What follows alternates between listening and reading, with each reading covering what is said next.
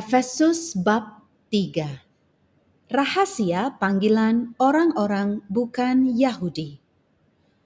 Itulah sebabnya aku ini, Paulus, orang yang dipenjarakan karena Kristus Yesus untuk kamu, orang-orang yang tidak mengenal Allah.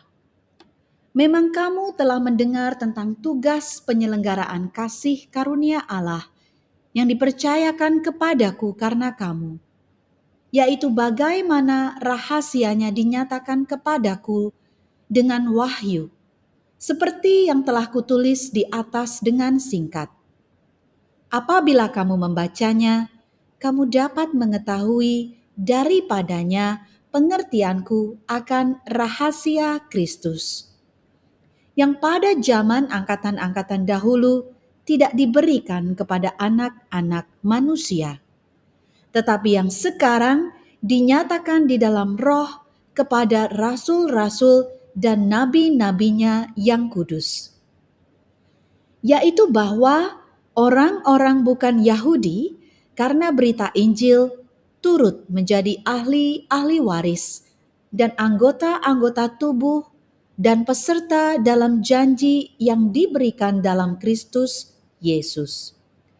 Dari Injil itu aku telah menjadi pelayannya menurut pemberian kasih karunia Allah yang dianugerahkan kepadaku sesuai dengan pengerjaan kuasanya. Kepadaku yang paling hina di antara segala orang kudus telah dianugerahkan kasih karunia ini untuk memberitakan kepada orang-orang bukan Yahudi kekayaan Kristus yang tidak terduga itu.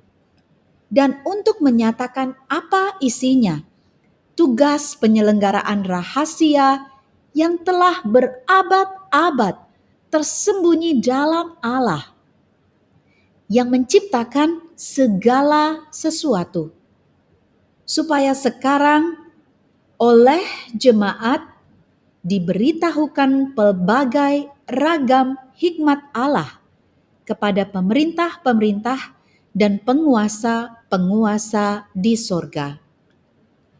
Sesuai dengan maksud abadi yang telah dilaksanakannya dalam Kristus Yesus Tuhan kita. Di dalam dia kita beroleh keberanian dan jalan masuk kepada Allah dengan penuh kepercayaan oleh iman kita kepadanya. Sebab itu, aku minta kepadamu, supaya kamu jangan tawar hati melihat kesesakanku karena kamu, karena kesesakanku itu adalah kemuliaanmu.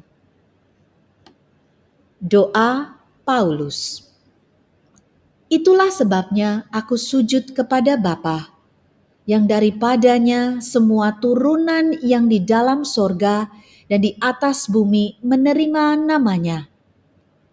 Aku berdoa supaya ia menurut kekayaan kemuliaannya menguatkan dan meneguhkan kamu oleh rohnya di dalam batinmu.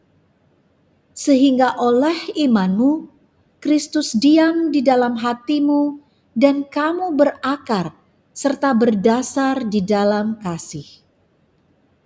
Aku berdoa supaya kamu bersama-sama dengan segala orang kudus dapat memahami betapa lebarnya dan panjangnya dan tingginya dan dalamnya kasih Kristus, dan dapat mengenal kasih itu, sekalipun ia melampaui segala pengetahuan.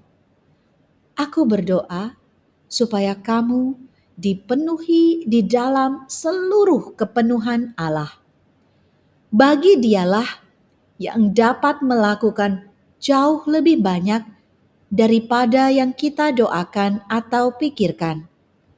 Seperti yang ternyata dari kuasa yang bekerja di dalam kita bagi dialah kemuliaan di dalam jemaat dan di dalam Kristus Yesus, turun-temurun sampai selama-lamanya. Amin. Demikianlah sabda Tuhan. Syukur kepada Allah.